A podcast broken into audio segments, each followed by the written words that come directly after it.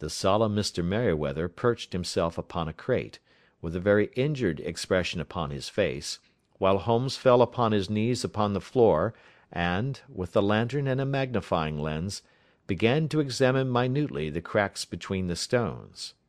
A few seconds sufficed to satisfy him, for he sprang to his feet again, and put his glass in his pocket.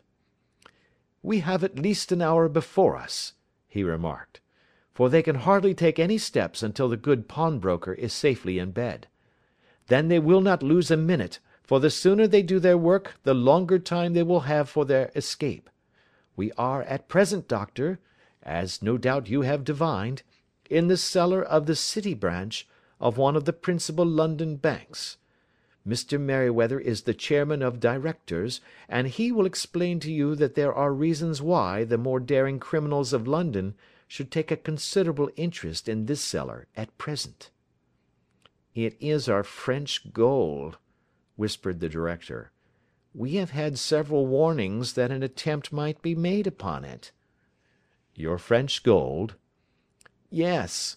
We had occasion some months ago to strengthen our resources and borrowed for that purpose thirty thousand napoleons from the Bank of France.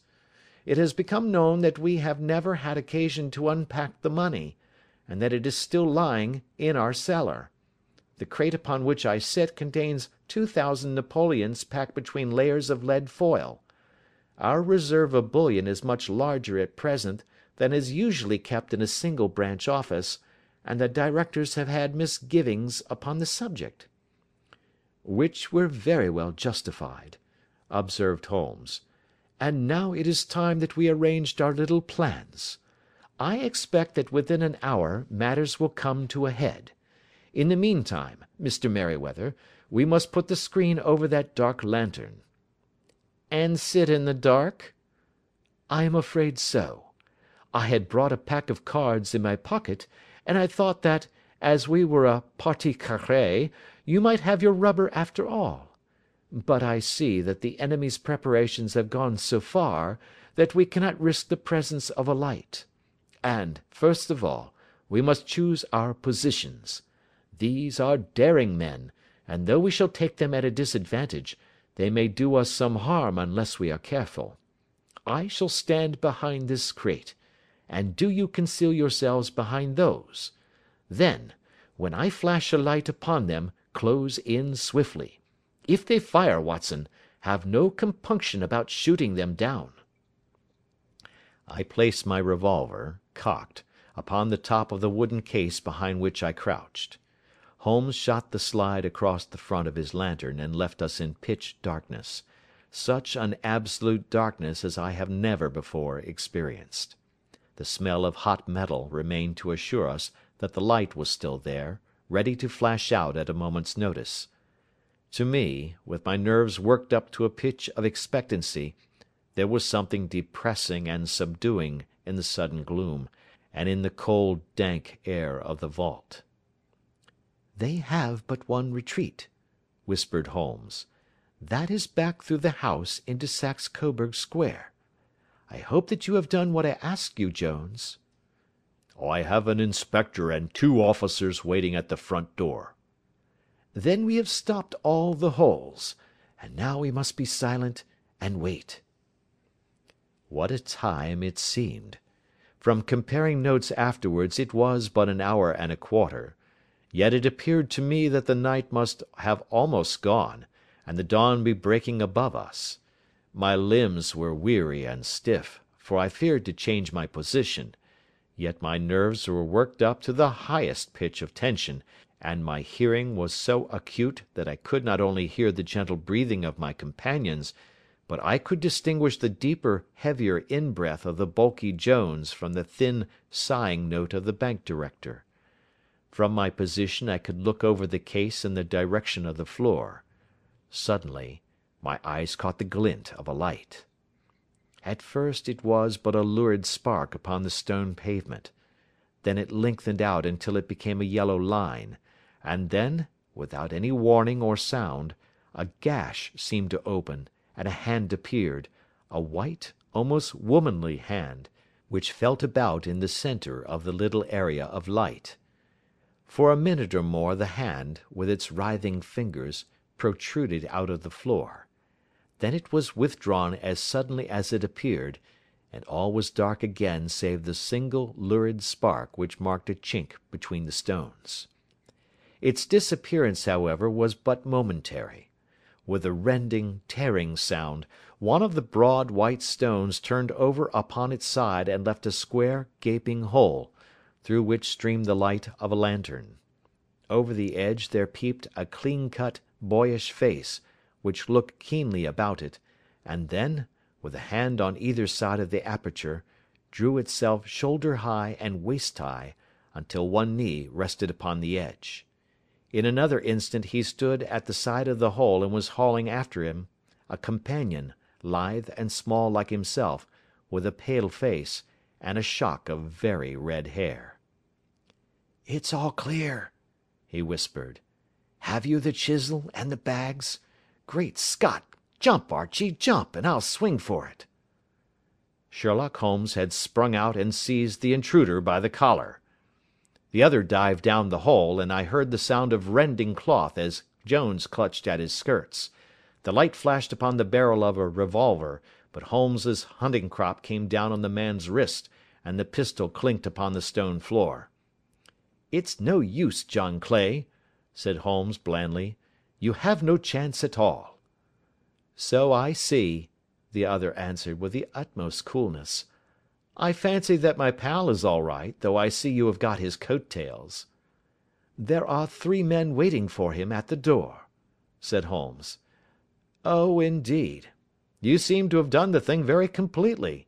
I must compliment you." "And I you," Holmes answered. "Your red headed idea was very new and effective.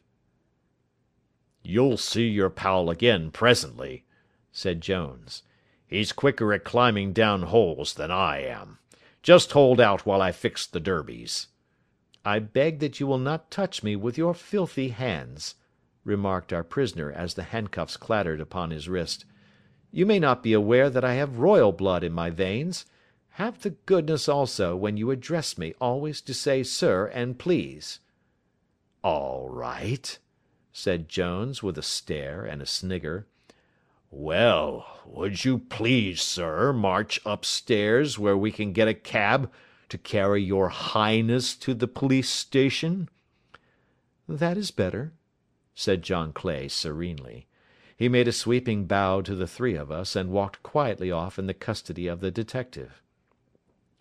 "Really, Mr. Holmes," said Mr. Merryweather, as we followed them from the cellar.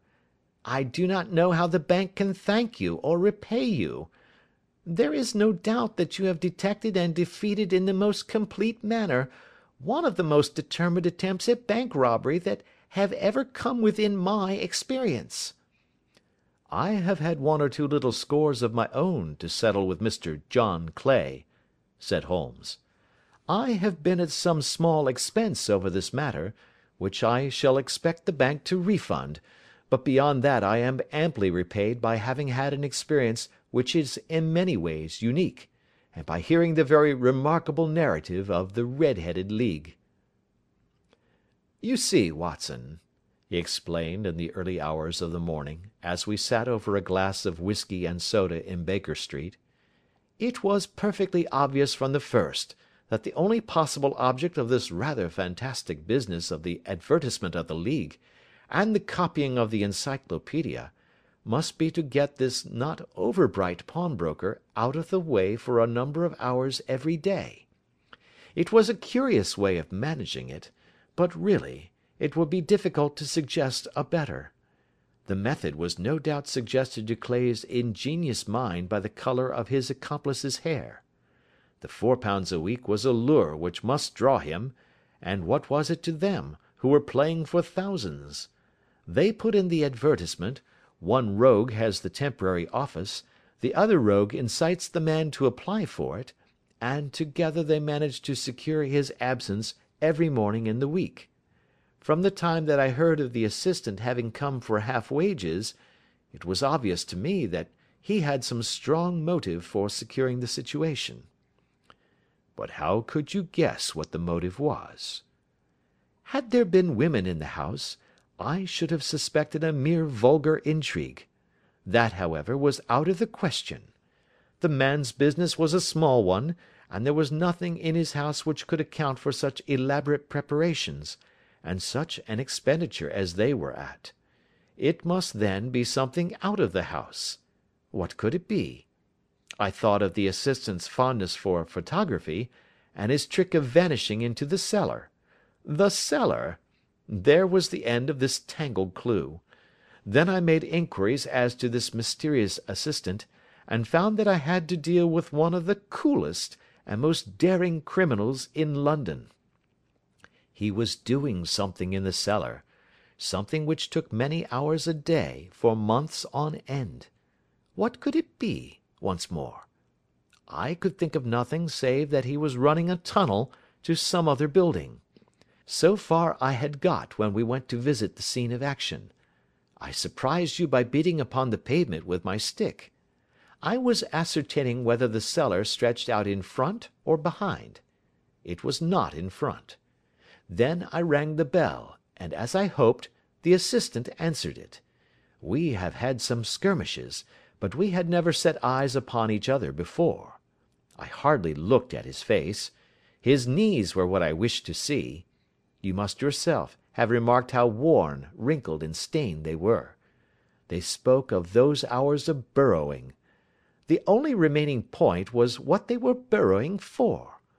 I walked round the corner, saw the City and Suburban Bank abutted on our friend's premises, and felt that I had solved my problem. When you drove home after the concert, I called upon Scotland Yard and upon the chairman of the Bank Directors, with the result that you have seen." "And how could you tell that they would make their attempt to night?" I asked. "Well, when they closed their League offices, that was a sign that they cared no longer about Mr. Jabez Wilson's presence; in other words, that they had completed their tunnel. But it was essential that they should use it soon, as it might be discovered or the bullion might be removed. Saturday would suit them better than any other day, as it would give them two days for their escape. For all these reasons, I expected them to come to night." "You reasoned it out beautifully!" I exclaimed in unfeigned admiration. "It is so long a chain, and yet every link rings true." "It saved me from ennui," he answered, yawning. Alas! I already feel it closing in upon me. My life is spent in one long effort to escape from the commonplaces of existence. These little problems help me to do so."